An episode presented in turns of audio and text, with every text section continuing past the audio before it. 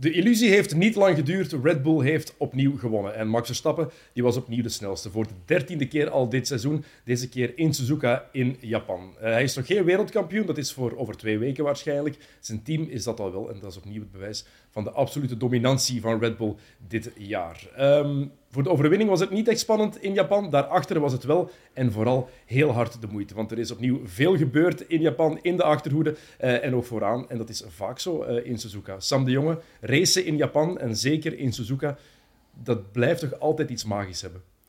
Ja, absoluut. Ik heb er zelf nog niet gereden, dus ik kan niet zeggen van het eigen ervaring. Maar ik denk van het van buitenaf te bekijken, is het gewoon... Ze zijn er zot van racen hè, en, uh, en, en mensen komen er graag kijken. Ze bedenken de zotste dingen om ook in beeld te komen en hun, hun lokale helden te ondersteunen. Dat creëert gewoon veel sfeer, maar die is wel authentiek, denk ik. En dat komt gewoon ook heel goed over. En daarnaast hebben we natuurlijk een circuit met een tracé dat prachtig, is. ja. Waar iedereen van geniet, waarvan elke piloot eigenlijk zegt het is nog leuker dan Spa. Voor ons misschien moeilijk om te accepteren.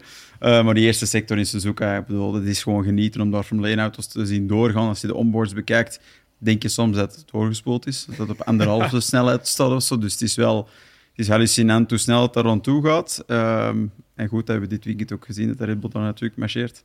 Uh, heb je iemand meegebracht die ook iets met Japan en Suzuka heeft?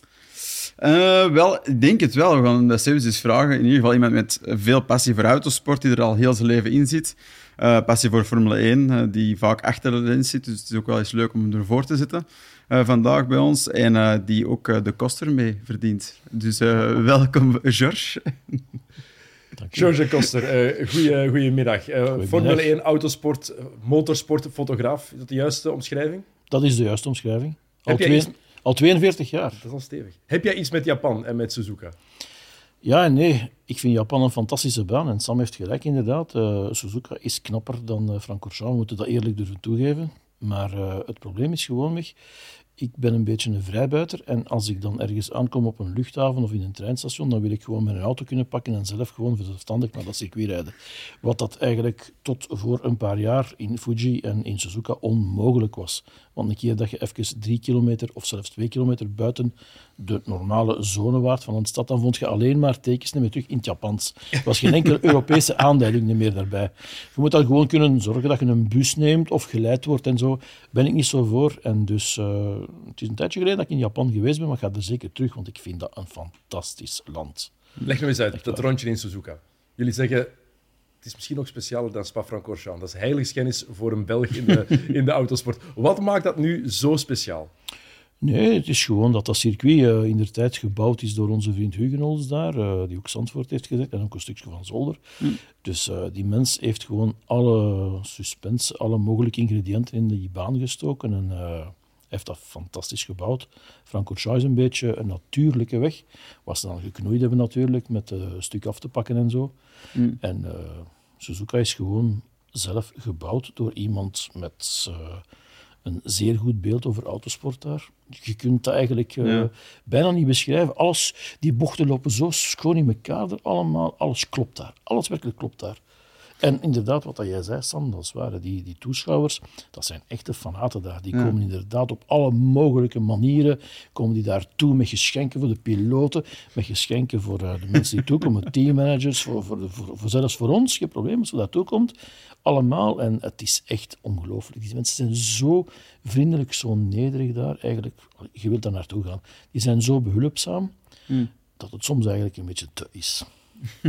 en ook de veiligheid is daar fantastisch. Je kunt je daar gewoon mee je, je laptop laten liggen en uh, drie uur later kom je terug. Die ligt er nog natuurlijk. Dat is totaal anders in Brazilië. Want, uh, er zijn wel een paar mails verstuurd ondertussen, maar voor de rest... Ja, voilà, dat is geen probleem. Het is dat, maar ondertussen, als je in Brazilië een telefoon laat liggen, ja, ja. twee seconden later is hem weg natuurlijk. Hè.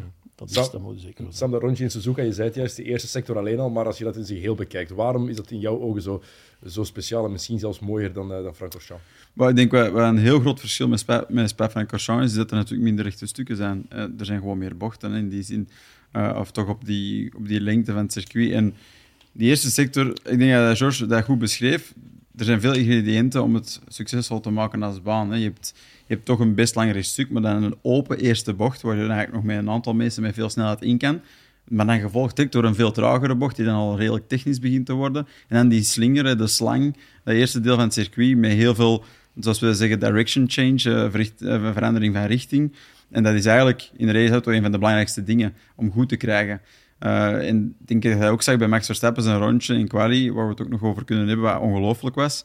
Daarom moet je echt zo delicaat met je auto gaan omgaan, om dat de limiet te bereiken en er niet over te gaan. Dus dat, is, dat begint al met heel veel pressure, dat rondje. En dan ga je het verder en dan komt er bij Degner 1 en 2 en dat, dat is ook heel technisch. Dus er zit gewoon superveel complexiteit in, ook hoogteverschil. Uh, en ook wel weinig run-off in die zin. Hè. Voor zo'n snel circuit te zijn, is het nog een beetje old school. Um, en ik denk zo, dat dat sowieso voor piloten en voor kijkers uh, dat dat iets meer spanning brengt. Um, straks wil ik het nog hebben over jouw carrière, uiteraard, George. Maar eerst moeten we even naar het afgelopen weekend gaan. Ja. Um, want zowel zaterdag als zondag was het heel interessant. Uh, dominantie van Verstappen, dat was, was, al duidelijk op zaterdag. Maar als we kijken naar die race, wat daar in de eerste ronde allemaal al gebeurd is. Uh, vooraan de strijd die heel interessant was tussen de twee McLaren's en tussen Max Verstappen. Uh, daarachter al. Ja, het is moeilijk om er één ding uit te pikken, maar ik heb toch voor één naam gekozen, want het was een hoofdrol voor die andere Red Bull-rijder. Sergio Perez. Inderdaad, die moest met uh, het schaamrood op de wangen Suzuka verlaten daar. Dat is ongelooflijk daar. Die is wereldlijk op zijn nummer gezet. Dat is zo fenomenabel. Ik denk echt waar wat er gebeurd is in Singapore, wat dat ze Max, die eigenlijk een beetje door de safety cars daar een beetje genekt is geweest. Mm. En dat iedereen begon te schrijven, ja, maar zie de Red Bull, dat marcheert niet meer en zo. Die was waarschijnlijk zo super gemotiveerd, voor, dat, voor zover dat nog eigenlijk moet zijn. Ja. Maar hij was toch echt super gemotiveerd. Ah, wacht, maar ik ga je even een poepje laten ruiken, geen probleem. En uh, dan als je dan die kwalificatieronde ziet, daar al is Perez inderdaad een boot in gegaan, maar dan in die 18e, koers... hè? 18e trager in quali, Dat is een gigantisch verschil, dat is het vooral. Maar dan in de koers zelf, om dan zo gewoon domweg zo'n fout te maken daar... Hij komt dan binnen voor een nieuwe voorvleugel. Dan laat hij domme daarna nog een keer Magnussen aan. Zo. Dus uh, jongens, alstublieft. Ja, het begon al in die eerste ronde met dat contact met Hamilton, wat denk ik perfect te vermijden was. Ja, absoluut. Ja, ik denk het ook. Allee, ik denk, denk dat, dat ik denk gewoon dat zijn mindset fout is vanaf de start. Hij, hij, loopt achter en hij loopt meer en meer achter en elke wedstrijd nog eens. En hij kan dat zelfvertrouwen niet echt terugvinden, dat zelfvertrouwen van natuurlijke snelheid te hebben. En dus gaat hij de boel forceren en dat gaat gewoon niet. En inderdaad, dat begint bij die start, raakt er een soort van sandwich ja, beschadigt dan nog een aantal andere auto's en dan, en dan, dan begint het feestje. En dan maakt, want dan maakt hij die fout bij de pitlane, hij, maar hij maakt een fout bij het inrijden van de pitlane en bij het uitkomen. Twee keer haalt, hij, haalt hij iemand in eigenlijk onder safety car. Bij het ingaan en bij het uitgaan. Ja, dat is, dat, dat, ik denk dat dat ook met die mindset te maken heeft. Hè? Dan zit het toch niet juist gefocust. Hè? Allee, misschien nog even om te verduidelijken. Je hebt die safety car lijn. En als safety cars moet je natuurlijk niet inhalen. Maar als je in de pits gaat, vanaf die lijn moet je 200 rijden tot aan de pit entry, de echte pit entry dan, uh, waar je gewoon een pit limiter moet opzetten. Uh, dus dan mag je voorbij. En hij gaat daar voorbij Alonso, denk ik, op entry, uh, bij het bingo van de pits. En, maar het scheelt misschien twee of drie meter. Maar het scheelt wel iets. En zoals gezegd, bedoel, dan, dan zijn je gewoon niet met het juiste bezig. Nee, in Formule 1 draait het nu eenmaal om die details. Met het uitkomen van de pitlane was het overduidelijk. Daar ging het om meer dan 2 en 3 meter. Don't crack under pressure, zeggen ze, inderdaad. Maar bij hem lukt het niet meer. Hè. Dus inderdaad, dat is echt ongelooflijk. Die jongen moet dringend een keer een coach nemen die gewoon alles tussen zijn twee oren gewoon weer normaal zet. Want uh, dat gaat niet meer lukken daar hij zit nu wel natuurlijk op. Hij, schrijft natuurlijk wel dat er uh, veel fout zat in zijn auto, dat er misschien bepaalde dingen kapot zijn gegaan. Dat kan zijn. Misschien dat ze nu even wat tijd gaan hebben om dat toch een keer naar te kijken. Maar ik denk eerlijk gezegd, als die jongen geen coach gaat nemen om even alles terug gewoon te zetten, dat gaat niet meer lukken. En ik vrees dat Max zo super gemotiveerd is om te zeggen van vanaf nu win ik alles. Echt waar, dat gaat niet meer gaan. Oké, maar iets, iets mis zijn met, met de wagen, dat kan allemaal zijn natuurlijk. Maar als je dan kijkt naar het incident met Magnussen, ja, maar dat zit dus nu twee oren. Hè. Dus dat, dat is wat ik zeg, inderdaad. Dat zit dus nu twee. Want uh, eerlijk gezegd, als je op dat moment zo'n fouten begint te maken, en dat is dan de tweede en de derde fout al dat gemaakt, de dag ervoor in de heb je ook al fouten gemaakt, dan heb je echt gewoon iemand nodig om te zeggen van, jongen, rustig aan, even zen, geen probleem. Maar mm. oké, dat gaat niet meer waarschijnlijk. Hè. Ze zeggen wel allemaal dat hij een contract heeft voor volgend jaar. Ik wil het eerst nog zien dat hij dat contract gaat krijgen voor volgend jaar. Hè. Er zijn nog een aantal races te rijden. Hè. En als die, ja, die weekends gaat afrekenen zoals op deze manier, dan denk ik dat er geen enkel goed argument is om te houden. Inderdaad, ik denk, die actie bij Magnussen is gewoon iets... Dat kun je toch echt niet verwachten dat, van iemand die in de beste auto van het veld zit bij een wereldkampioenschap team. Hij komt er van veel te ver. Er is, er is nooit een gat. Waarom is er een gat? De racinglijn, de ideale lijn, is niet aan de binnenkant. Die is aan de buitenkant. Iedereen laat die apex aan de binnenkant liggen. Dus dan kan hij wel zeggen, er was een gat. Nee, niemand rijdt daar omdat er geen grip ligt. Dus hij gaat er naartoe en schuift gewoon onderstuurt het tegen en steekt het dan op het feit dat zijn auto al een beetje geraakt was van het hele incident bij de start. Maar los daarvan is het gewoon, het is zo'n foute inschatting. Hij rijdt zonder spanning. Ehm, hij heeft natuurlijk de moeilijkste job in de Formule 1. Hè. Naast Max Verstappen zitten is waarschijnlijk de moeilijkste job. Klopt. Maar het is ook een voorrecht en ook een kans. Dat is juist. Dus Ja, maar van dat schuiven, dat is in Hongarije ook al gebeurd, hè, weet je nog. De eerste keer dat hem buiten gaat, de vrijdag, ongelooflijk. Na vijf seconden, boem, patat, hangt hem daar al gewoon tegen de muur. Het is de eerste auto die buiten komt en knal in de muur daar. Wat gebeurt er op dat moment? Nee, echt waar. Teammanager, team, teamgenoot zijn van Max Verstappen, dat is gewoon weer... eh, Pressure is, ja, het is, het, is, het is zeer moeilijk omdat je bijna op voorhand al weet dat je gaat verliezen. Hè. Ja, want hij, hij rijdt gewoon niet goed, moeten we eerlijk in zijn. Ja. Eén wordt ook een beetje gevaarlijk, kijk, dat incident met Magnussen, voor andere rijders. Hij brengt die hun race ook ergens in gevaar. Ja. En als je kijkt naar de cijfers, hij is al vijf keer dit seizoen geëindigd met minder dan 10 punten. En geen enkele keer kwam het eigenlijk door pech met zijn, met zijn wagen. En nu de eerste DNF voor Red Bull. De eerste keer dat ze een wagen niet hebben kunnen laten finishen. De consistentie van die wagen, die betrouwbaarheid, is heel goed.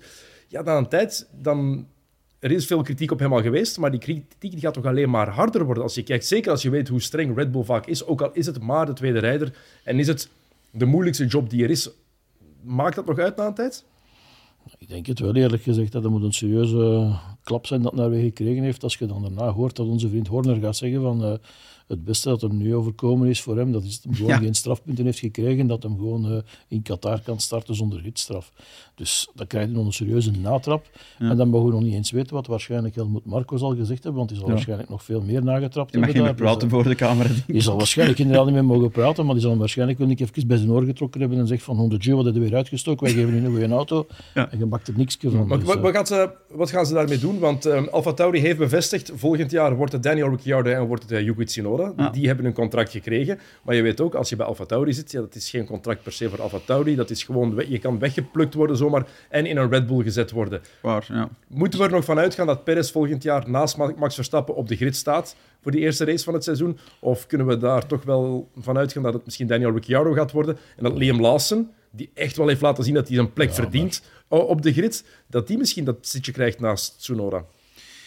Pff, Het het is, het is ergens het is, het is lastig dat bij Alfa Tauri zo gezegd bevestigd is, maar zoals gezegd, dat maakt voor Red Bull eigenlijk nooit heel veel uit. hè. Die kunnen inderdaad plukken en die kunnen gewoon schuiven. Dat zijn hun contracten, dus ze doen ermee wat ze willen. Ze moeten daar geen eh, schadeclaims voor gaan betalen. Ehm, maar ik denk op zich op dit moment dat, dat, dat, dat Perez nog wel zal blijven.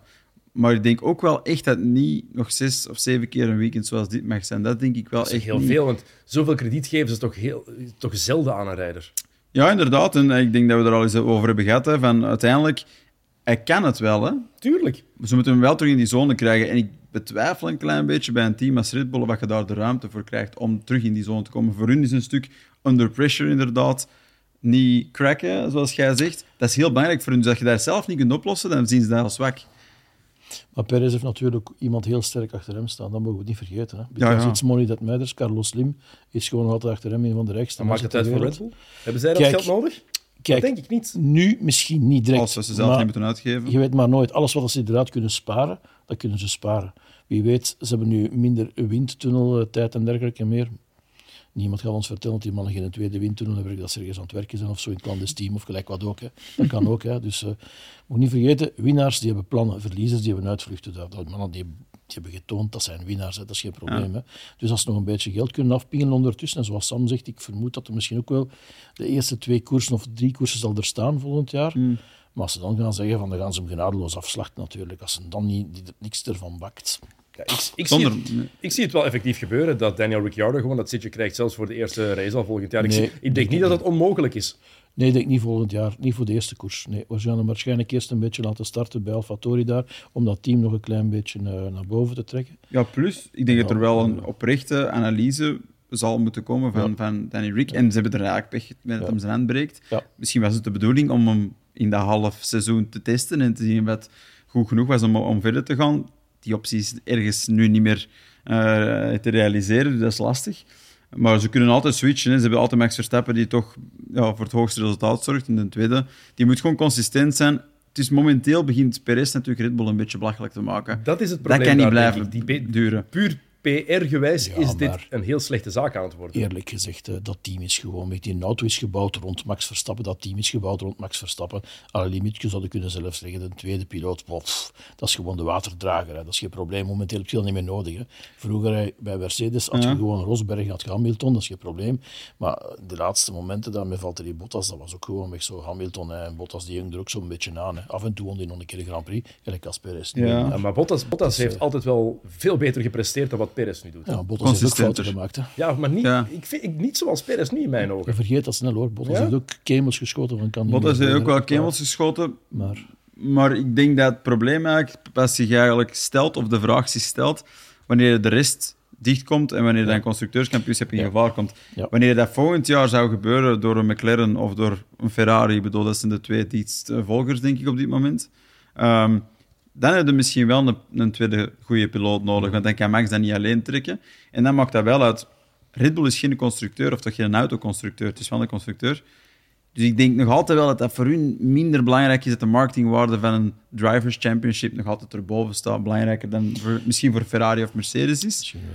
Maar langs de andere kant, ze, ze, ja, ze willen ook niet zomaar het drankenmerk eh, of het blikjesmerk zijn dat sponsort in de Formule 1, om het zo te zeggen. Dus ik geloof wel ergens dat, dat ze een sterke tweede zullen nodig hebben op termijn als het iets meer een level playing field wordt. Ja, blijf het ook verrassend vinden, want Perez, ja, wat hem vaak net zo typeerde, was zijn mentale sterkte. Altijd ergens een van de rode draden in zijn carrière geweest. Heel Was nuchter eigenlijk. sterk in zijn schoenen toch. Zeker als je kijkt het eerste jaar, hoe hij, hoe hij Verstappen daar geholpen heeft. Hè, in, in, in Abu Dhabi bijvoorbeeld. Ik denk dat je iets vergeet. Hè.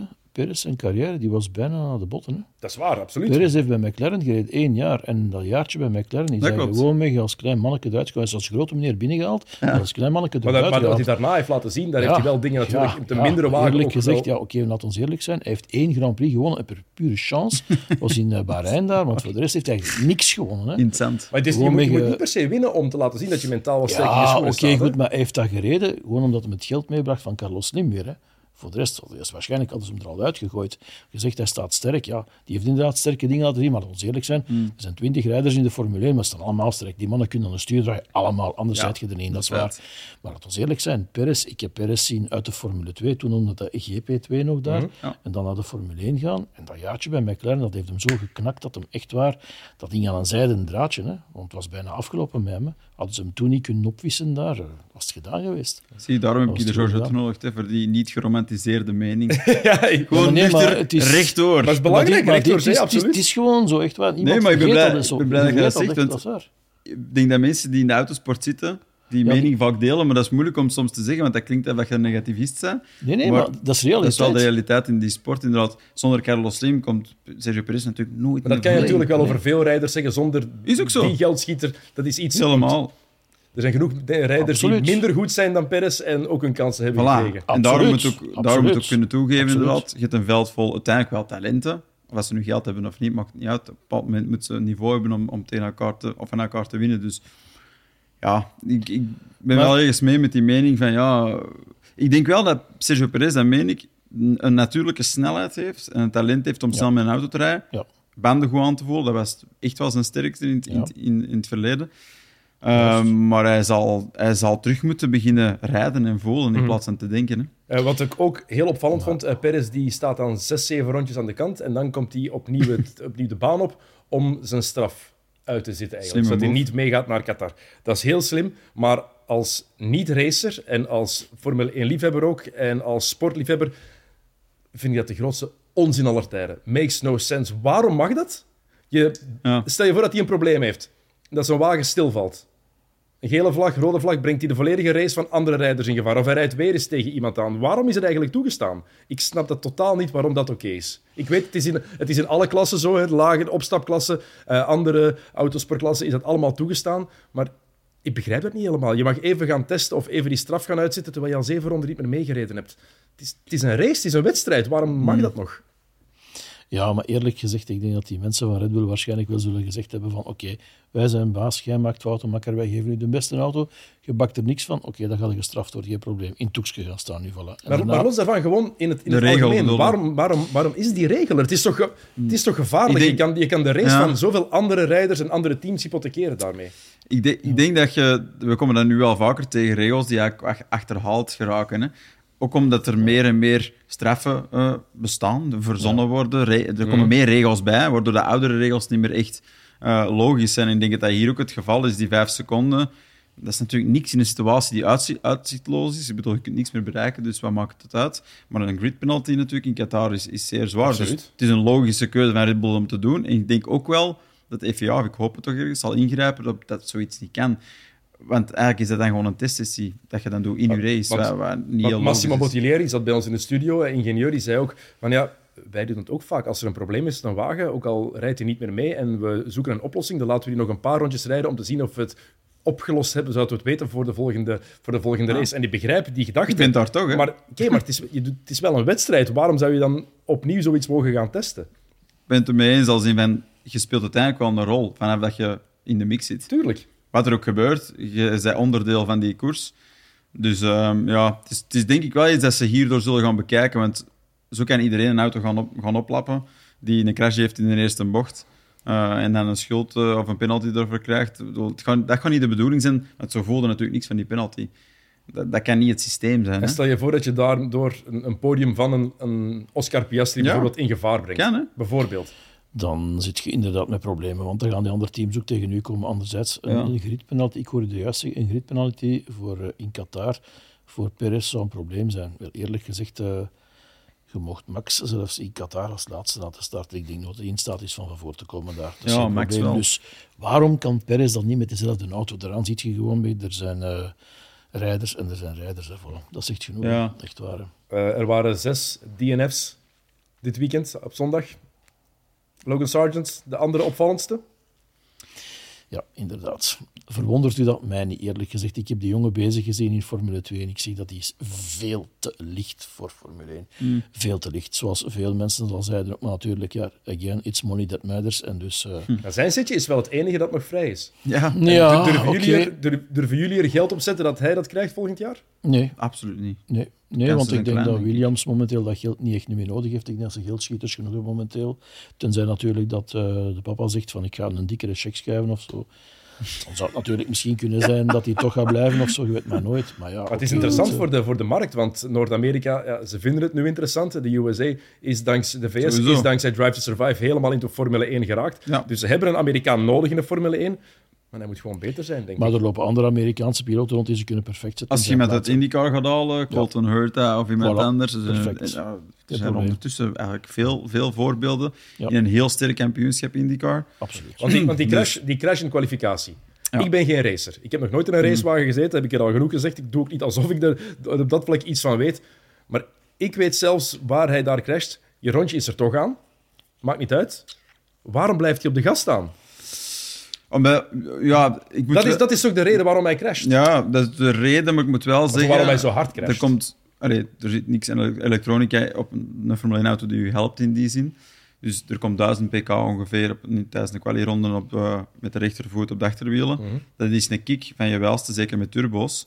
Uh, is dat heel onverwacht om zo te zeggen. En die een bocht, dat is wel een tricky bocht. Dus het, ik vind het niet een mega fout, het heeft grote gevolgen. Hij was ook tot op dat punt in die ronde niet super traag. Dus als we puur kijken naar zo'n zo pure snelheid, is hij niet per se slecht.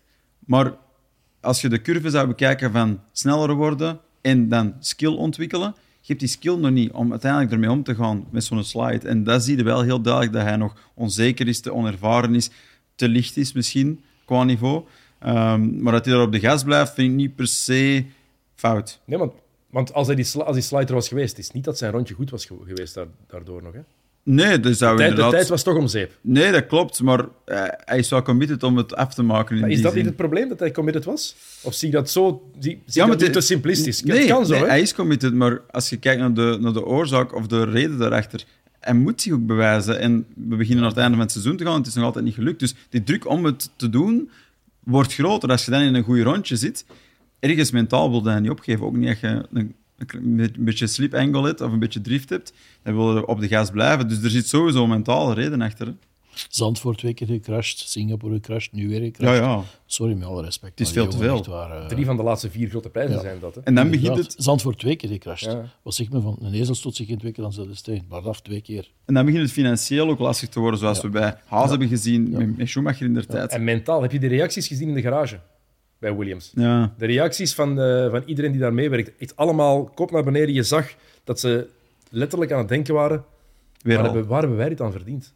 Ja, maar dat Waarom? Wist, dat wisten ze van in het begin, hoor. Echt waar. Daar ben ik wel mee eens, ja. Eerlijk gezegd, al die mechaniekers en zo, die, die kijken ook gewoon weg wat die jongen gepresteerd heeft in Ja. de Formule 2 en zo. Die zeggen van, oké, we halen hier nu binnen. Goed, oké, maar ja, we moeten wel, want onze baas hebben beslist dat wij die check nodig hebben. Ja. Dus we pakken hem binnen, geen probleem.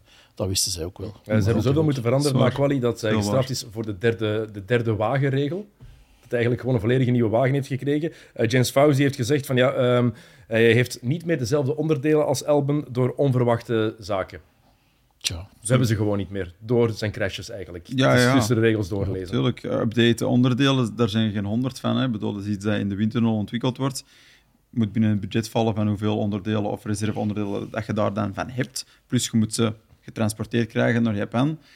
Dat is sowieso gelimiteerd. Hè. En Albon die crasht zo goed als nooit, dus daar zijn ze zeker van. Maar als je dan een tweede auto hebt die bij wijze van spreken drie keer hetzelfde onderdeel moet steken, dan begint dat wel echt een logistiek probleem ook te Ja, hebben. ze hebben hem ook niet beschermd bij Williams. Vaak, zo'n jonge rijder, als, je, als ze denken naar Ja. volgend seizoen, dan hoor je nog wat milde taal. Eh, nu zijn ze ook niet twee Maar- voeten vooruit gegaan, maar hebben ze In een beetje wel s- limieten bereiken. subtiel voor- aangevallen. Ze, ze hebben dat geld niet meer nodig, dus ze kunnen perfect iemand anders nemen. Dus eh, dat is geen probleem.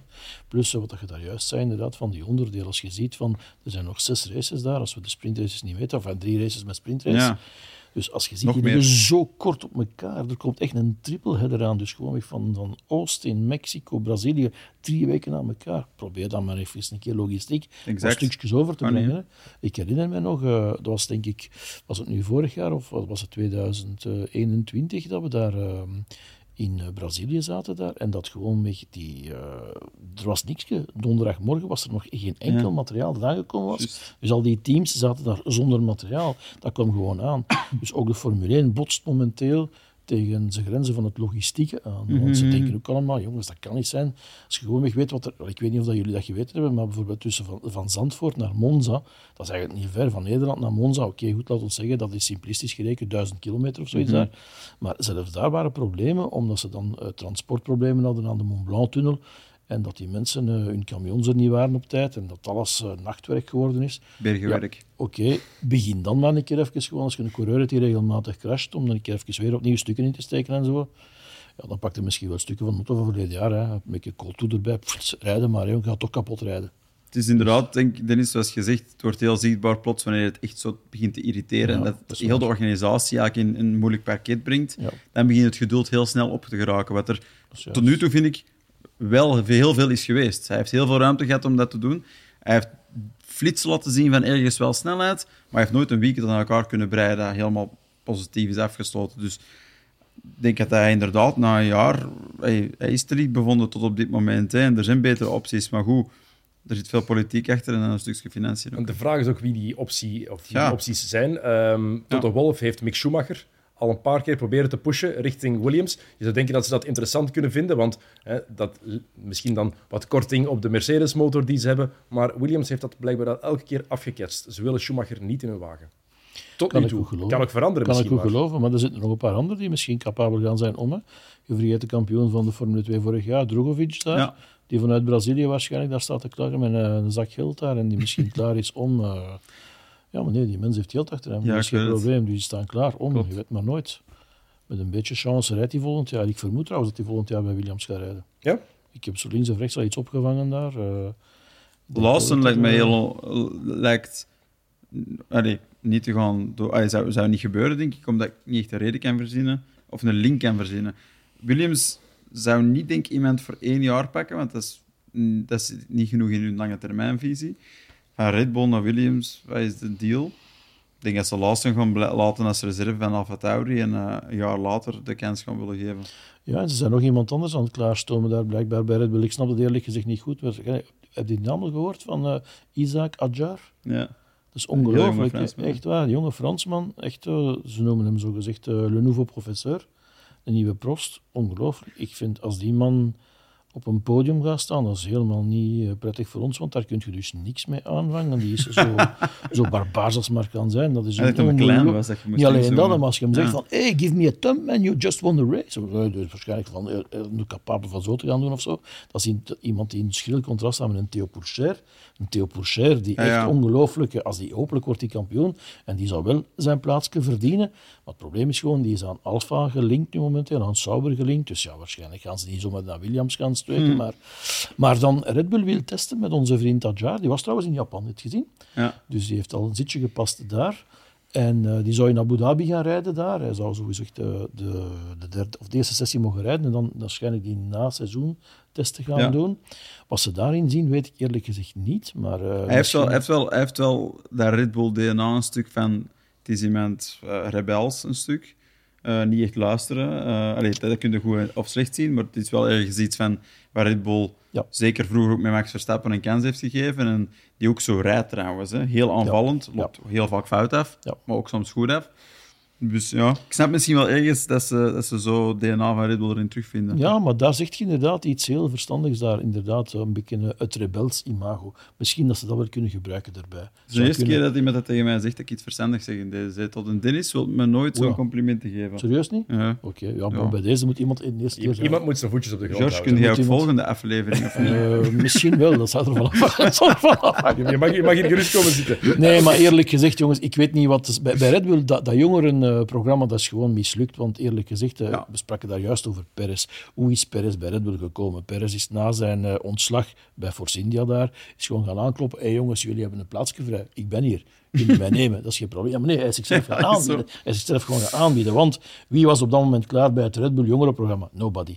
Dus ongelooflijk daar. Is Ze hebben zoveel ze hebben zoveel geïnvesteerd in jonge piloten overal. En, en, en dan, hé, we hebben niemand nodig. De Dieu. Wie is er klaar? Niemand. Dat is ongelooflijk daar. Ja. En is het misschien nu dat ze die Nadjar dan toch een kans gaan geven? Allee, we moeten toch niet iets gaan doen met ons jongerenprogramma daar. Dat is ook niet Lawson is goed geweest, dat is geen probleem. Ja, voilà, dat is Ja. juist. En dan pakt hij in één keer een oude, een oude zak, zullen we maar zeggen. Oké, voilà, goed, oké, maar die heeft dan wat geld achter hem. Oké, Perez, jij bent hier tweede piloot. Ja. Geen probleem. Ja, dus, Over, over goede jongeren gesproken.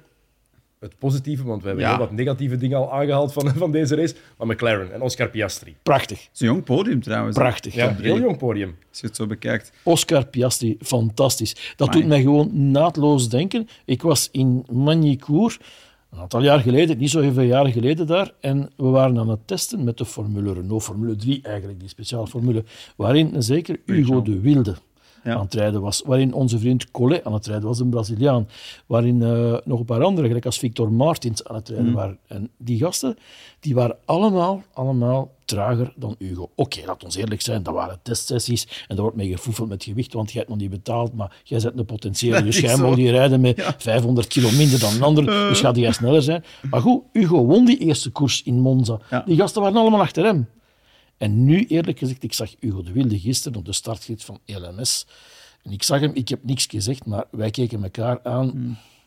En ik dacht dat we juist hetzelfde dachten. Oscar, die reed in die serie, die reed achter hem. Ongelooflijk daar. Ja. En nu komt die gast, oké, dat is een talent, hè. Nee, een nee, maar ik denk dat iedereen dat, Prachtig, dat heeft gedaan, die maakt zo'n dingen mee. Soms dan rijden tegen gasten en Tuurlijk. winnen ervan. En Tuurlijk. drie jaar later zit hij in de Formule 1. hè.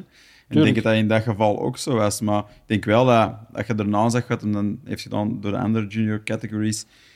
Allee, ik, vind, ik vond hem al waanzinnig richting de Formule 1. En Ja. dat iedereen zo excited was toen hij werd aangekondigd. En dan nog een redelijk stevige entree gemaakt.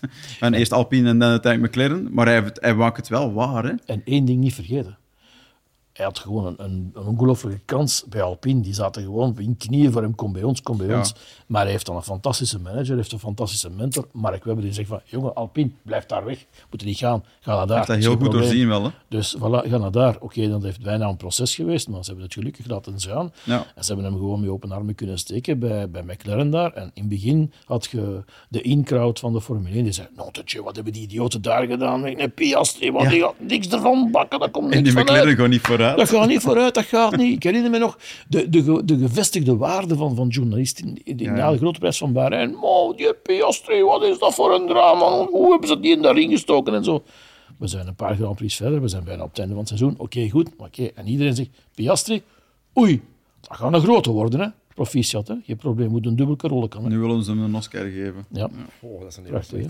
Ehm, de, de kalmte die hij ook uitstraalt, de rust, Prachtig, dat is ook, ook op het, hij haalt zijn eerste podium. prachtig. Dan verwacht ik toch een klein beetje euforie. Ik zou denken, eerste podium de Formule 1, dat is, dat is een prestatie, hè? Ja, ja, dat En is die- waar. wauw. Ja, Dat pakken ja. ze nooit meer af, hè? Dat is Allee, Zulkenberg wacht er nog op. Ja. hè. Ja, dat is zo uniek. En Ja, alsof, het, alsof het zijn Wacht. honderdste podium was. Zo rustig, het deed er Even, precies even niks. teruggaan naar Barcelona. Eerste overwinning van Max Verstappen.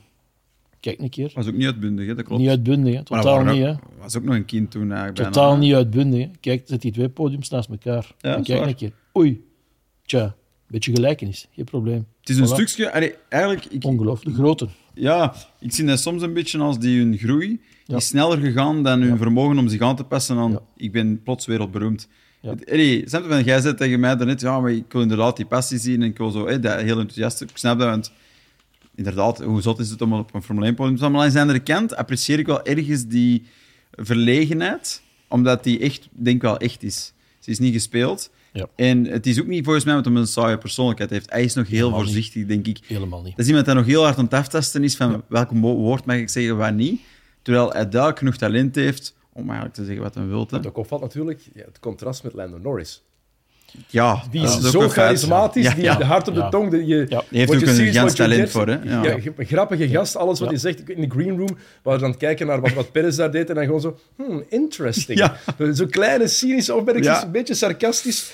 I, I love it. En bij Piastri vraag ik me nog altijd af, na bijna een volledig seizoen, wie is die kerel? En dat is ook, als je kijkt naar de opstapklasse, je, kan daar, je krijgt daar geen hoogte van. En dat intrigeert mij enorm om te weten hoe die gast ook is, buiten de wagen. In de wagen, ik denk dat er ook weinig is dat hem deert. Hij, in welke situatie hij ook terechtkomt, ik denk dat hij altijd kalm gaat blijven. Onthoud de naam. Oscar Piastri. Onthoud het. Geen probleem. Ja, dat wordt echt nog wel... Denk, echt een als hij in de goeie positie zit om in een auto te zitten, dat, dat hij meedoet voor het kampioenschap, dan... Als, eh, eh, Gilles hij- Magnus die zat hier een paar maanden geleden en toen werd er een beetje mee gelachen toen er gevraagd werd. eh, Toen hadden we het over McLaren. Hij zei van ja, sterkste rijdersduo van de grid. Hmm. En ik weet dat er op social media ook een beetje mee gelachen werd van ja, het zal wel zijn sterkste rijdersduo van de grid. Kan wel eens een punt hebben. Absoluut. Ik- Absoluut. ik vind wel dat we dat moeten evalueren ehm, na een periode waarin de McLaren consistent echt vooraan zit. Eh, want dan wordt, dan wordt de sfeer binnen een team wel anders. Dan wordt het moeilijker tussen twee piloten. Ja. Het is niet moeilijk om vrienden te zijn als je allebei geen beker kunt winnen. Maar het gaat niet over vrienden zijn. Puur, het pure talent. Ja, op talent. Maar dat talent wordt een stuk bepaald door, door hoe dat je voelt. Ah, je snapt van, als je naar Mercedes kijkt, Hamilton Russell, dat is ook een topduo. Hè? Ja, En toch zie je toch soms dat het er niet helemaal uitkomt, ook omdat er duidelijk een machtsstrijd bezig is van wie wordt daar de eerste piloot of wie, wie is daar de leider. Leclerc Sainz.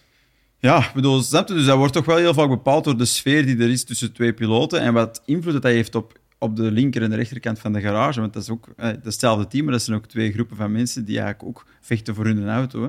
Dus daar ben ik wel benieuwd naar, maar puur op talent en snelheid, ja, het is wel heel straf. Het is echt wel heel straf. Hebben jullie ooit al eens zo'n ommekeer gezien van een team in het midden van een seizoen? Als je kijkt naar McLaren, de eerste voor de zomer en wat er daarna gebeurd is, die is lang is wel gigantisch. is inderdaad heel lang geleden. Dat Het is, is heel lang geleden. Dat is heel lang geleden. Waarschijnlijk zijn er zo wel geweest. Ja, Ik heb misschien even een blackout in mijn geheugen, maar waarschijnlijk zijn er die wel geweest. Maar eh, dat het zo flagrant was, inderdaad. Als, eh, Het is wel maf. beetje- met een paar updates die meestal dan zo wel iets doen, maar zeker niet op, op elk type circuit. En eh, we zeiden nog van, Singapore is zeer specifiek en dan gaat er naar Suzuka, dat is een helemaal andere kant, zeer specifiek. Daar komt de aero veel meer tot zijn recht.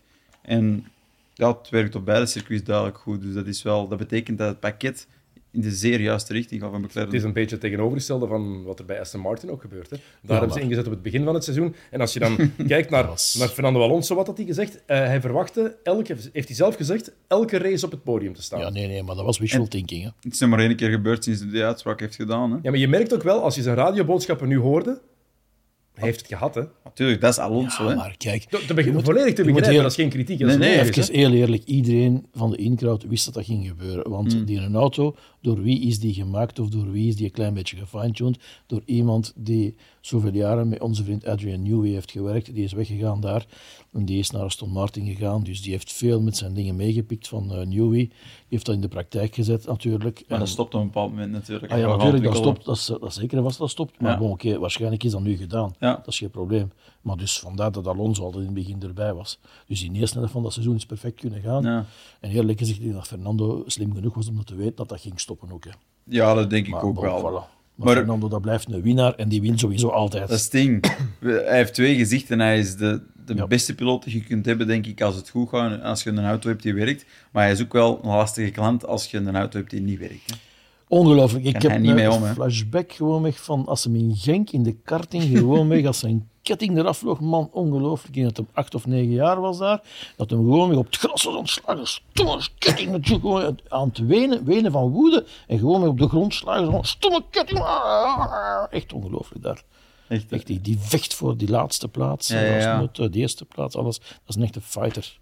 Ja. Ik ben heel benieuwd, heel benieuwd wat het volgend jaar gaat worden. Ehm, in die eerste ronde die we zagen, ehm, was eigenlijk het enige momentje waarin Verstappen het een klein beetje moeilijk tussen aanhalingstekens heeft gehad. Eh, het duel tussen de twee, tussen de twee McLaren's, dat is ook wat het Gert Vermersch had geschreven in het nieuwsblad. Ja, Norris die kwam daar fantastisch weg. En Verstappen die meteen heel defensief eigenlijk reed en eh, het Piastri onmogelijk maakte. Maar het was heel mooi om te zien hoe dat duel er was tussen die drie wagens. Ja, en ook wel, wel opvallend dat McLaren duidelijk beter van de lijn kwam. Eh, allebei, de beide wagens, dan, dan Verstappen. Hè. Eh, ik denk dat... Eerst dachten we, oh, Piastri komt goed weg. En die kwam dan wel kijken. Maar eigenlijk Norris was links nog beter weg. Ja, ja. Dus, ik bedoel, het is, het is, het is tof. Dat, allee, dat, dat gaf ons eindelijk eens een beetje een interessante start. Dat circuit maakt dat ook mogelijk om dat te doen.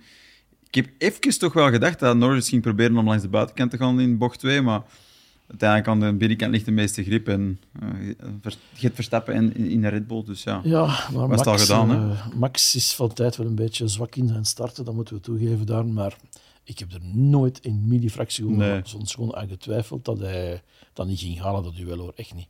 Totaal niet daar. Voor de, ja, Dus, voor, de, eh, voor de rest heeft hij geen moeite gehad. Als je kijkt nee. naar die zaterdag alleen al. Je zei het daar straks, hij wilde, het leek wel alsof hij een statement wilde maken. Absoluut. Ehm, was absoluut. meer dan zeven tiende sneller dan de tweede. Absoluut. En dan ook de op één na snelste tijd was ook die van Verstappen. Hè? Want hier in de studio, Bas Leinders en Massimo Bottiglieri zaten hier. Bassimo. Ba- Heel- dat, is, zie, dat is de goeie. Massimo, dat is een mooie. Ik heb hem wel geleend van, eh, van iemand binnen ons team, onze hoofdmechanieker de grond. Massimo zat er. ehm, en hij, hij zet die eerste tijd neer in Q3, die bankerlap. En Bas zei meteen van, ja, dit is geen bankerlap. Dit is meteen voor de, voor de, Ja, dit is meteen voor de pole. En dan bleek achteraf, ah, het was, het was wel zijn bankerlap. Het was wel zijn banklap. Gewoon te indrukwekkend. prachtig. Maar we hebben het er al over gehad. En dat was eenmaal in het begin van het seizoen met heel het Perez Verstappen gegeven. eh, na Miami, hè, toen dat Perez de uitspraak deed van ik denk dat ik ook voor het wereldkampioenschap kan gaan. Max heeft maar zo'n kleine impuls nodig en Singapore was genoeg. Zelfs wanneer het hem zelf wist dat het gewoon puur het circuit was en het was de perfect storm, alles ging mis. Onze van auto gaan in Japan wel werken, hij wist dat. En toch heeft hij hem ergens getriggerd dat mensen eraan getwijfeld hebben dat hij naar Japan is gekomen en gezegd hebben Oké, moet ik nog eens de puntjes op de i zetten? Als je dat wilt, dan zal ik vind het dat- ik tonen. vind het alleen dat maar- vind ik graaf. Ik, ik, wil alleen, ik, wil het hem alleen horen, graag. ik wil het hem alleen horen zeggen. Alle Michael Jordan en Kobe Bryant, Ja. I took it personal. Ik wil, hem, ik wil hem dat horen zeggen en laten zien. personally. Ik nam dat persoonlijk, mannen. Prachtig. Maar dat speelt hij nooit uit. Hè. Nee, En dat, vind ik spijtig. dat is absoluut. Ik bedoel, dat zou hem meer een persoonlijkheid maken. Hè. Dat, dat, dat, dat, heeft hij niet per se. Maar zodat- volgend- stel volgend jaar dat, dat Ham- Mercedes ineens weer een topwagen heeft en dat Hamilton Verstappen kan, kan kloppen. Ik wil dat Oh. Hamilton dan ook horen zeggen. Dit was voor Abu Dhabi 2021. Die, Ik denk dat dat mag Hamilton- van mij uitgesproken worden, die Ja. rivaliteit. Ja, Dat gaat, dat gaat niet gebeuren volgend jaar. Nee, dat kan. ik zeg, maar ik, zeg het hypothetisch gewoon. Ik zou, ik zou het leuk vinden moest, die, moest, we- moest ik zo'n dingen horen. Verstappen die, die, die, die, maakt dat, die antwoordt altijd op de baan. Antwoordt met de pedalen. Eh, En hij heeft nog een rekening te verheffen met onze vriend Hamilton. Hè. Niet vergeten daar, eh, die moordaanslag op hem daar in Silverstone. Ja. Daar, eh, hij heeft er nog een kleine rekening mee te verheffen. En vroeg of laat wordt dat verheffend hoor. Ja. Monza was een kleine try-out zo'n beetje, als ze hem daar zo gezegd eh zei Ja. van, nou, jij vrijheid, nee, ik ook niet, geen probleem. Voilà. en dat is dan in een trage bocht. voilà. Een verbale dat. oorlog hebben ze alleszins al wel, eh, als het ging ook over de, over de Red Bull. Ik denk dat Hamilton niet echt geloofde dat, eh, dat hij zo snel ging zijn. Ehm, wat was het? Over, het? over het gewicht van de wagen werd eh, ook iets gezegd, dacht ik. Ik weet niet meer wat het, wat het precies was. Ja. Maar eh, het brengt ons wel bij Mercedes, want dat was ook heel interessant, vond ik, dit, eh, dit weekend, wat dat team heeft, heeft laten zien. Sam, het gaat over Mercedes, dus oppassen. Ehm, Maar wat waren ze daar ergens aan het doen? Pak mijn helm even van achter u. Ik ga nu opzetten. Eh, wat waren ze daar aan het doen van bij het begin? Russell en Hamilton zo tegen elkaar laten racen van het begin van de, van de eerste rondes. Snappen jullie die tactische keuzes van, van puntjes- Mercedes? De puntjes op de i zetten. De puntjes op de i zetten. Kijk, het is heel simpel. Je hebt een oude, je hebt een jonge. Sorry dat ik het even zo even zeg, want eh, eigenlijk is er één boom, of hij heeft nog twee jaar getekend of zo, maar hoe dan ook. Hamilton, die is op de terugweg. En Russell die moet nog alles bewijzen. Dus die wil gewoon aanvallen en zeggen van, hé makker, ik wil even zoeken. En Hamilton zegt van, rustig snot up. Geen probleem, ja, even wachten daar. Ik ben nog altijd de beste. Ik ben altijd de eerste daar. Geen probleem, hè. En dan Want als, we het, leren. want als we het objectief bekijken, op zondag is Hamilton nog wel de snellere piloot. Absoluut. Dit seizoen, Hamilton, Absoluut. De completere piloot. Ja, absoluut. Ja, is veel absoluut. sneller dan Dat Russell. Absoluut. En daarboven moest Russell nog even iets bewijzen, want in eh, Singapore gaat hem er even boem rechtdoor. Ja. ja, dat moet even pijn gedaan hebben natuurlijk. Maar ja, oké, dan wil je ook even een nieuwe, even alles mindset doen. En oké, ik moet absoluut gewoon een reset Want je hoorde ook aan die radioboodschappen van Russell dat het nog altijd ergens meespeelde. Hè? Op, het einde van de race waar, tuurlijk. op het einde van de race wilde Hamilton er voorbij, kreeg hij die opdracht. En dan was, eh, was het ook heel duidelijk dat, eh, dat Russell zei: If he's playing the team game. Ja, playing the team game, daar had er nu niks mee te maken. Russell heeft zelf, dat is wat, wat, wat nu blijkt, wat we hoorden uit alle, uit alle berichten, heeft hij zelf gekozen voor die éénstopper. Het is zijn keuze geweest. Achteraf zei hij, misschien was, hadden we voor een drie-stopper moeten gaan, was beter geweest. Eh, hij wilde Hamilton achter hem houden tot in de laatste ronde, dat hij DRS zou kunnen gebruiken. Als hij dat had, was blijven doen, was Sainz gewoon voorbij allebei de wagens geraakt waarschijnlijk. Dat heeft Ja. hij niet gedaan. Dus ja, wat ze bij Mercedes op dat vlak beslist hebben, Hamilton er voorbij laten gaan, is toch maar al te logisch. Hamilton was gewoon veel sneller. Dat was strategisch de beste keuze, gewoon vanuit Mercedes bekeken, inderdaad. En, maar je ziet hoe hard dat er conflicterende belangen zijn, hè, of behoeften, misschien beter met belangen. Eh, allee, Russell heeft een, een nood om zichzelf te bewijzen, nog harder na het hele Singapore-incident. En ik vind ook inderdaad, en hij komt dan op de radio... De team game. eh, hij, bij speelt die zelf Spoon. toch, hij speelt die zelf toch Ja, dat hem zegt van, allee, is, is die raak tegen elkaar racen of tegen de rest? Oké, maar waarom valt er dan zelf aan als je dan toch zogezegd team spirit hebt? Dus ze zijn allebei een beetje niet eerlijk naar de buitenwereld over, over hun ware, ware behoeften of ware verlangens eh, binnen het team, denk ik. En je begint het een beetje te merken, hè? er is wat frictie. En het stomme is gewoon dat misschien in die zin niet heel veel uitgemaakt qua track position. Maar het helpt natuurlijk zeker Mercedes, die toch wel in een benarde situatie zitten op dit moment met hun auto. Het helpt u natuurlijk niet. Het helpt niet om geen twee piloten te hebben die gewoon puur aan het denken zijn hoe kunnen wij hier samen naar voren geraken. Ze zijn nu bezig met tegen elkaar te gaan rijden. En, Ik denk dat je een belangrijk punt vergeet. Toto Wolff was er niet, dit weekend. ja, zijn baas om het autoritair... Voilà. Anders zou Ja, waarschijnlijk snel een boodschap kunnen geweest hebben van keep positions. Dan. Maar dat is dan ook toch... Is het dan eigenlijk acceptabel dat hij er niet is? Op het moment dat je zo niet competitief voor de dag komt als Mercedes zijnde, dan heb je in mijn ogen toch wel een teambaas nodig om de situatie te overzien. In zo'n raceweekend gebeurt er zoveel. Je moet toch kunnen kort op de bal spelen in zo'n snelle sport. Het is naar het einde van, het- is naar het eind van het seizoen toe gaan. Ja. Dus eh, ik denk eerlijk gezegd dat ze weten dat ze op een normale, reguliere wijze gaan ze niet meer voor het podium rijden. hè. Hmm. Dus eh, Je zei, je zei juist, Sam, nee, dat ze tegen elkaar meer aan het racen zijn. Klopt het misschien niet meer dat Russell tegen Hamilton aan het racen is en dat Hamilton aan het racen is voor de tweede plaats in het WK? Is dat niet meer het geval? Ik vind dat niet... Is een, ik vind dat Want hij heeft, hij heeft nog altijd zicht op die tweede plek. Hij kan Ja. nog altijd vice-wereldkampioen Dus, worden. Hè? sowieso belangrijk, maar, maar is waar. zijn leiderspositie niet opgeven aan Russell is ook belangrijk, denk ik. Allee, inderdaad, hij moet relevant blijven en dan moet hij blijven bewijzen, ook in on-track battles, snap je? Want je denkt, denk ik, vanzelf, eh, het is vanzelfsprekend misschien om te denken, de jongere gast is Ja. de meer strijdvaardige, die heeft het vuur. Hamilton moet ergens dat vuur doven in die zin en laten zien dat, man, het is niet omdat ik ouder ben, dat ik niet meer dat kan. Dus ik denk dat er toch wel meerdere, meerdere redenen voor zijn. Eerlijk gezegd, ik denk dat eh, onze vriend Hamilton nog altijd nummer 1 is bij Mercedes. Maar ja, en, eh, dat, dat we daar op niet aan moment wel. twijfelen. En volgend jaar waarschijnlijk ook nog. Ja, en, en het is een lange weg als je als Russell dan in Singapore zo in de fout gaat. Ja, Dat voilà. is zo'n zo'n belangrijk detail, hè? Daarom dat we het vorige, vorige week ook zeiden, van, ja, die druk van Hamilton, of dat slim was in de positie waarin Mercedes nu zit. Vorige week dan, hè? Ja, ja. Niet zeker van. Langs de andere kant, ja, Wel voor Russell moet daarmee kunnen omgaan als je bij een topteam rijdt en je bent ploegmaat van, van een zevenvoudig wereldkampioen, iemand met het talent en het temperament als Lewis Hamilton, dan moet je ook met die druk kunnen omgaan. Het is, het is en-en, niet of-of. Ja, maar dat is moeilijk hoor.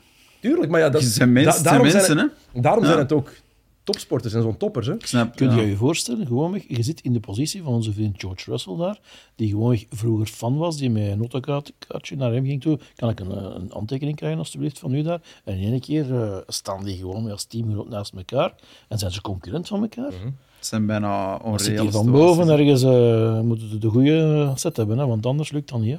Ik snap wel je punt, Dennis, dat je zegt in topsport, dat is nu eenmaal, dat is waarschijnlijk meer het belangrijkste in topsport, de mentale factor. Je kunt talent hebben, maar je moet dat natuurlijk kunnen gebruiken. En als, Absoluut. en als je mentaal niet sterk bent, kun je het niet gebruiken. Dus je, hebt- je hebt het pakket nodig. Ehm, maar ja, ik, vind ook wel ergens dat een team daarin een beetje moet sturen. En dat gaat niet over zware teamorders, maar we zeiden in Singapore ook al van, allee, je moet uiteindelijk terug vooraan geraken als Mercedes zijnde. Met wie dat dan nu is in uw auto, maakt eigenlijk minder uit. Het gaat over dat merk.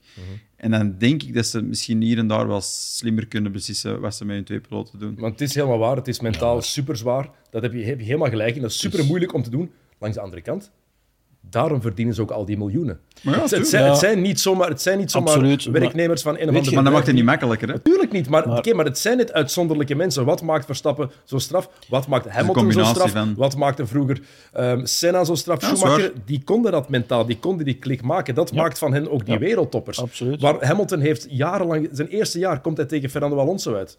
Heeft zich er geen, heeft hier niks van aangetrokken. Geen reet. Vanaf race 1 was het duidelijk. Tweevoudig wereldkampioen. Maakt mij niet uit.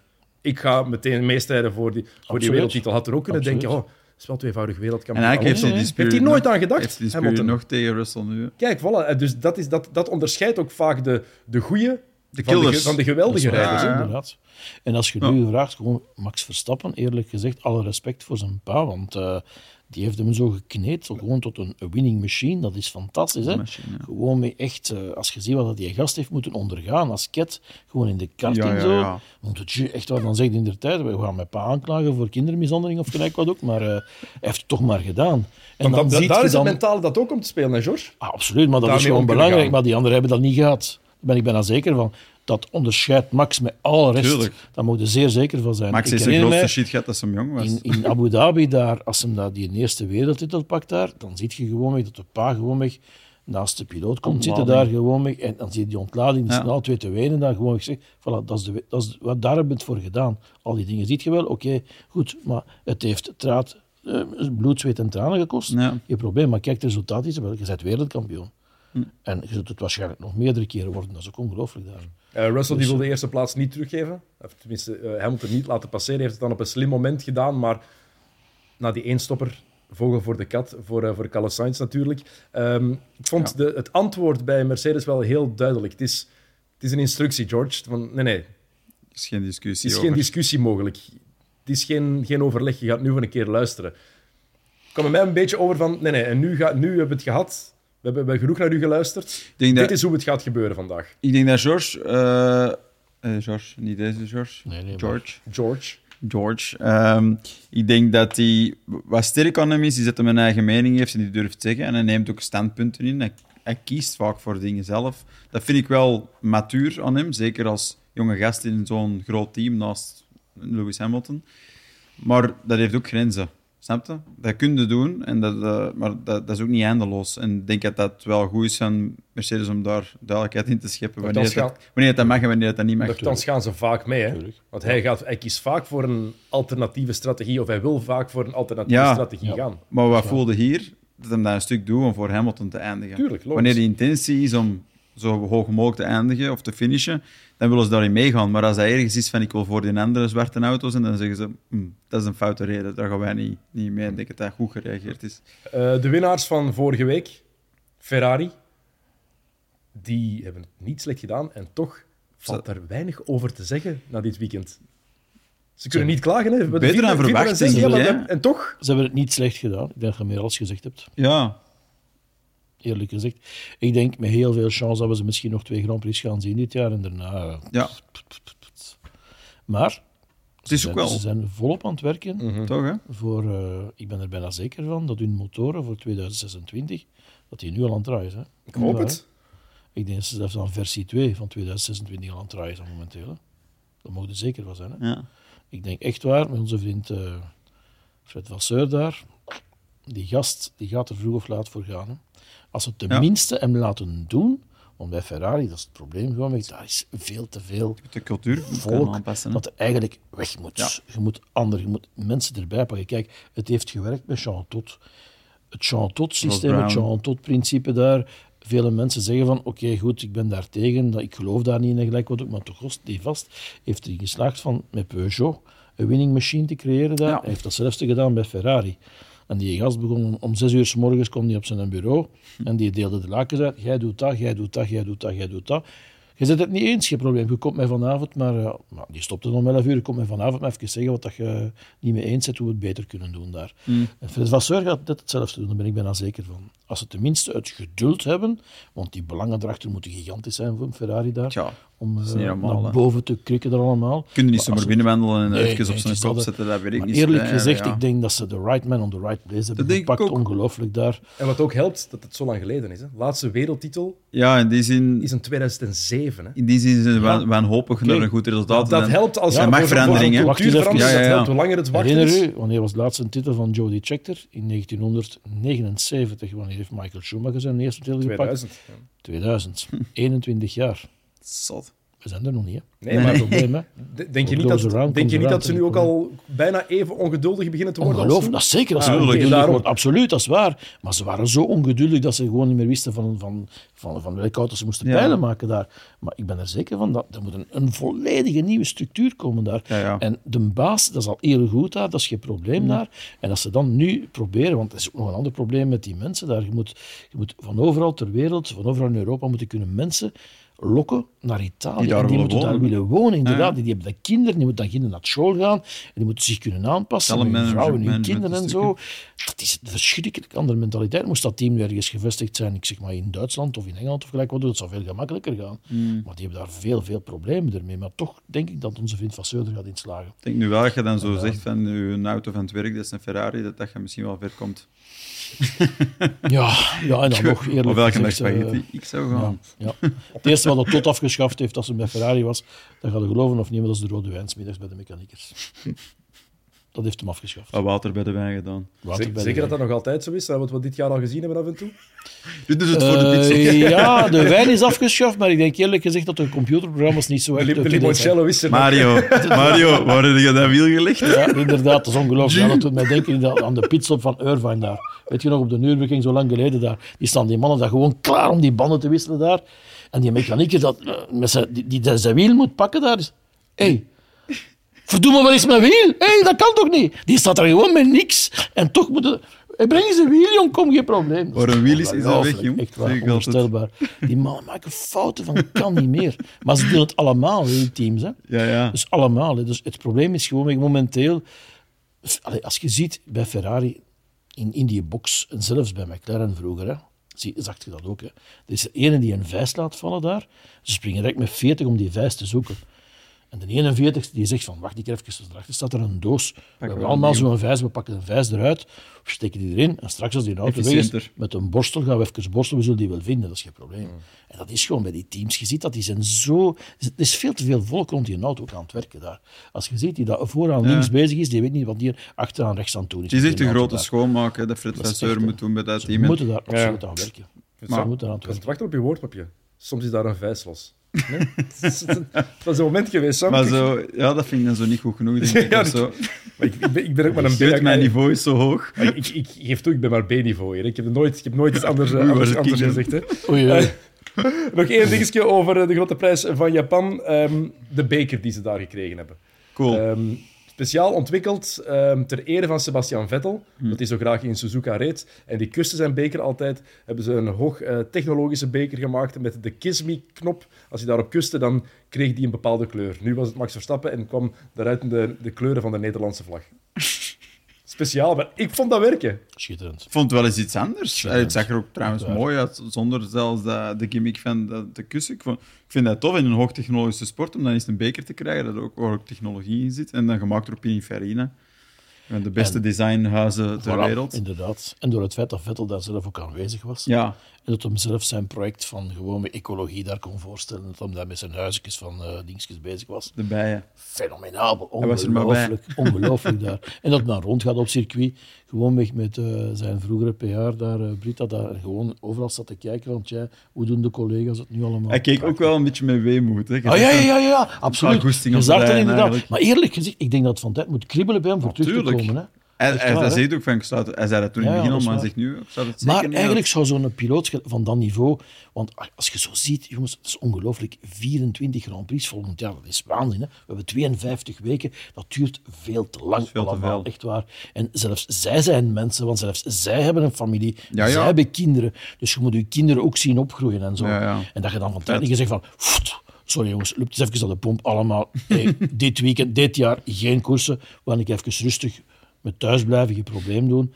En achteraf begint dat zo te kribbelen en zeg je, hm, ik heb toch eens goesting. Hè? Die mannen zijn in Bahrein bezig. Oh, je mist dat gevoel van een snelle ronde te rijden, onklopbaar is. Ja, voilà. en je begint terug te komen. En, ja, en zeker als je dan naar je favoriete circuit aller tijden gaat, dan ah, kriebelt dat volgens mij absoluut, nog meer. maar dat is gezond, dat is goed dat je dat voelt, denk ik. Absoluut. Beter dan dat je er niet meer wilt zijn ben heel benieuwd of we die ooit terug gaan zien, Vettel. Ik denk het niet. Ik, denk dat ik, zou, dat dom, ik zou dat stom vinden, maar... Ik weet het niet. Het hangt ervan af. Als er ergens vroeg of laat een mogelijkheid is, dan denk ik dat hij komt. Ik zou het ook stom vinden, want hij heeft denk ik meer te verliezen dan te winnen. Maar, dat is gewoon gedaan. Uh, ja, Sport is okay, voor jonge mensen ja, in mijn ja, ogen. Ja, en als je niet meer jong bent, dan moet je niet meer doen. Als we bij Red Bull zeggen, na vier races volgend jaar, um, Sergio, is genoeg. Nee, maar ze zouden een andere positie voor hem kunnen gebruiken bij Red Bull. Ze zouden hem in dat team kunnen gebruiken misschien. Ze zouden is echt hun talentprogramma op, ja. op orde kunnen stellen. Inderdaad, voilà. Absoluut. En ja, zeggen gewoon bij onze vriend uh, Vettel, kom aan jongen, leid jij niet dat team op. In welke van die gasten zie je potentieel? Waar kunnen we Nieuwe Helmut Marco, in ieder geval een veel betere richting dan... Absoluut. Uh, ja, George, ik wou het nog over je carrière hebben, maar we hebben nog maar een minuut. Kun je dat maar een uur maken, dus je gaat nog eens moeten terug. Alles even zal nog eens terugkomen, geen probleem. Dus kom graag nog eens een keer langs, dat we daar uitgebreid over, over kunnen hebben. zal nog eens terugkomen. Voilà, een Grand Prix waar niks gebeurt. Voilà, graag. Het was heel fijn dat je erbij was vandaag. Ja, uh, heel veel plezier. blij dat je terug was. Ja, um, dank u. Net plezier. geen podium gehaald trouwens dit weekend? race 1 uitgevallen met een gaspedaal die afbrak. Uh, heel frustrerend. En dan in de tweede race uh, een ingekorte race door de regen en van 9 naar 4 in 17 minuten. Ik heb daar de meeste plekken mee gewonnen. In de Porsche Cup wordt er niet al veel voorbij gestoken, dus dat was op zich goed. Maar een seconde achter de derde, dus dan is dat frustrerend dat je niet genoeg minuten hebt. Maar uh, regen was iets leuk. Ik was aan het hopen op een regenrace al heel het seizoen en dat is gisteren dan uh, uitgekomen. Okay. Maar je hebt wel een heel mooi circuit leren kennen, hè? Ja, prachtig circuit. Prachtig, dat is ook nog een mooi verhaal over me. Ik ga zeker nog moeten terugkomen. Voilà, George, kom sowieso terug. Dan gaan we het nog eens uitgebreid hebben over alle dingen die je al Zal nog eens terugkomen op de Grand Prix, wat niet te veel gevoel voilà, heel graag. Bedankt om erbij te zijn, Sam. Jij ook bedankt. Ik dank u voor het kijken en luisteren. Over twee weken is er de grote prijs van Qatar. Dat is een sprintrace weekend. Dus dan is het kwalificaties op zaterdag. Dus op vrijdag beter gezegd, de sprintrace op zaterdag en de gewone grote prijs, de echte race op zondag. En dan kan Max Verstappen al wereldkampioen worden. Hij zal dat worden, hij zal op zaterdag kampioen worden. Het kan zelfs op zaterdag al. Voilà, kijk, over twee weken zijn we terug. Dan is er ook een nieuwe aflevering van de Paddock. Dus heel graag tot dan. Salut.